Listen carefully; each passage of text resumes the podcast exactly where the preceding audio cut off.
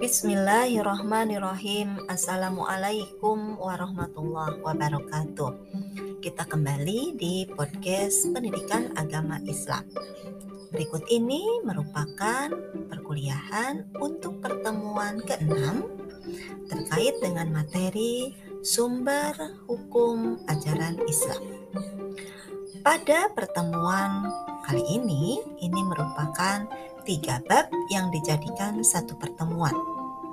Sumber hukum dalam ajaran Islam meliputi Al-Quran, Al-Hadis, dan Ijtihad.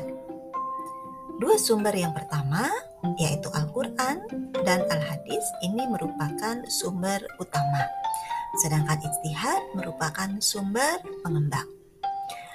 Al-Quran ditempatkan sebagai sumber pertama dalam ajaran Islam dan untuk menentukan hukum, sementara hadis posisinya menjadi yang kedua. Urutan ini tidak bisa menggantikan posisi. Artinya Al-Quran tidak bisa ditempatkan pada nomor pertama dan eh, Al-Quran tidak bisa ditempatkan pada nomor kedua dan hadis tidak bisa ditempatkan pada nomor pertama. Oleh karena itu, Al-Quran tetap di nomor pertama dan hadis di nomor kedua. Kenapa demikian? Karena ada kekuatan hukum yang berbeda antara Al-Quran dan hadis. Semua ayat Al-Quran itu sohih. Tidak ada ayat Al-Quran yang dianulir atau yang doif dan tidak terpakai. Semua Al-Quran itu masyru, dapat digunakan. Sementara tidak semua hadis dapat digunakan dan dijadikan sumber hukum. Inilah yang menentukan posisi kenapa Al-Quran ke satu dan hadis yang kedua. Al-Quran selain sebagai sumber hukum Islam, dia juga merupakan mukjizat yang diberikan kepada Nabi Muhammad. Namun, kemujizatan Al-Quran berbeda dengan kemujizatan yang diberikan kepada nabi-nabi yang lain. Al-Quran ini menjadi pedoman hidup manusia. Di dalam Al-Quran terdapat banyak pokok-pokok ajarannya. Al-Quran yang sudah kita ketahui sejumlah 30 juz dan tidak ada tambahan juz lain setelah 30 ini mengandung beberapa ajaran pokok. Yang pertama ada akidah, kemudian ada ibadah, kemudian yang ketiga ada muamalah, yang keempat ada akhlak, yang kelima ada hukum, yang keenam ada kisah-kisah umat terdahulu, dan yang ketujuh ada dasar-dasar ilmu pengetahuan tentang alam semesta. Di dalam Al-Quran terdapat ayat tentang akidah atau ketauhidan. Misalnya yang sangat populer terdapat di dalam surat Al-Ikhlas. Qul huwallahu ahad. Allahus somad. Lam yalid walam yulad walam yakul lahu kufuwan ahad.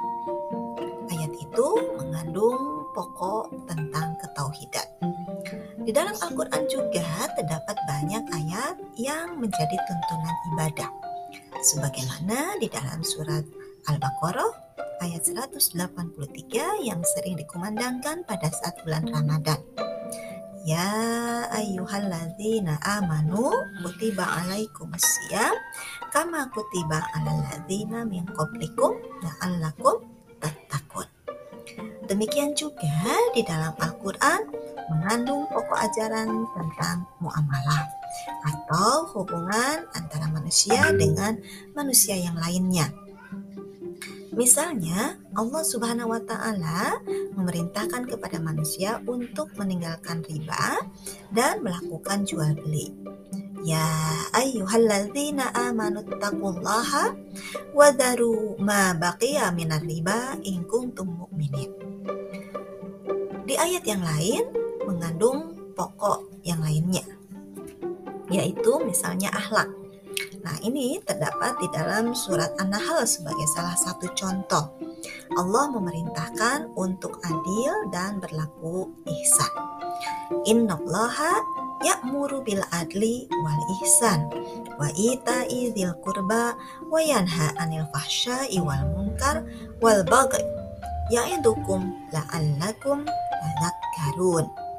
bahwa sesungguhnya Allah menyuruh kamu agar berlaku adil dan berbuat kebajikan dan memberi kepada kerabat dan Allah juga melarang untuk perbuatan keji, munkar, dan permusuhan.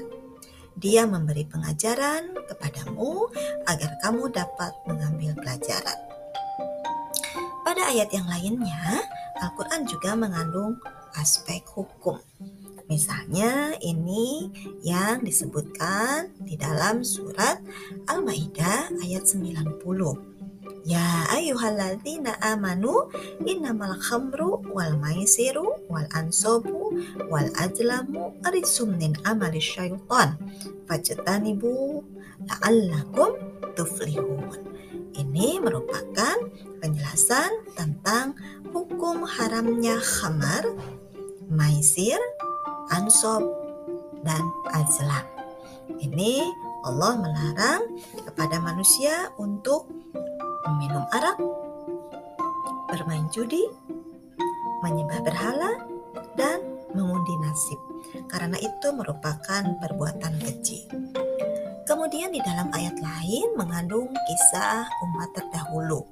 Misalnya Allah menceritakan kisah tentang pemuda yang masuk ke dalam gua kahfi. Inilah yang disebut dengan Ashabul Kahfi. Demikian juga di ayat yang lain mengandung dasar-dasar ilmu pengetahuan. Misalnya, bagaimana Allah menciptakan langit dan bumi, kemudian bergantinya siang dan malam. Ini adalah pokok-pokok ajaran di dalam Al-Quran. Pada sumber yang kedua yaitu hadis. Umat Islam harus selektif di dalam memilih hadis karena tidak semua hadis itu sohih. Secara kualitas, hadis terbagi kepada dua. Ada yang hadis makbul, ada yang hadis mardud. Hadis yang makbul artinya hadis itu diterima dan bisa dijadikan landasan hukum. Yang termasuk ke dalam kategori hadis makbul yaitu adalah hadis sohi dan hadis hasan.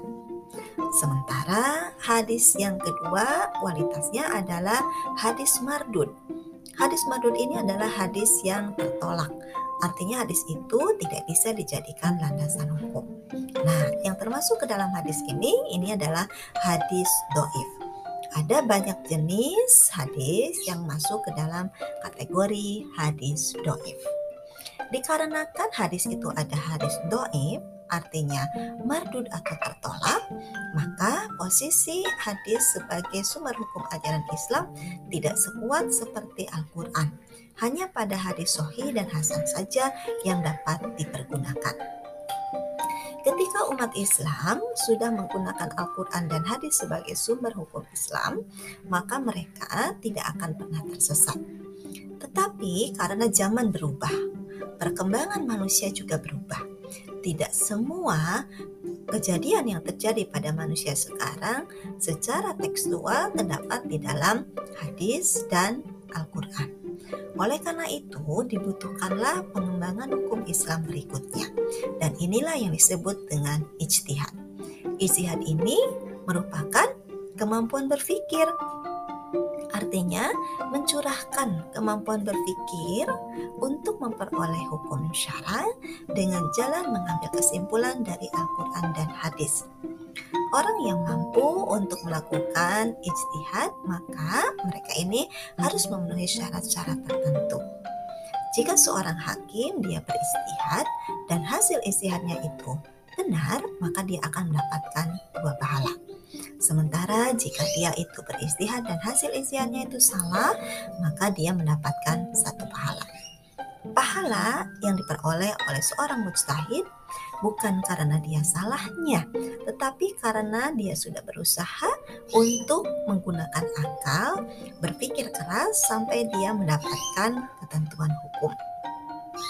Contoh istihad yang sering terjadi di masa sekarang misalnya perbedaan tentang penentuan awal Ramadan, perbedaan tentang penentuan Idul Fitri, hasil istihad berbeda-beda dan ini sangat mungkin terjadi.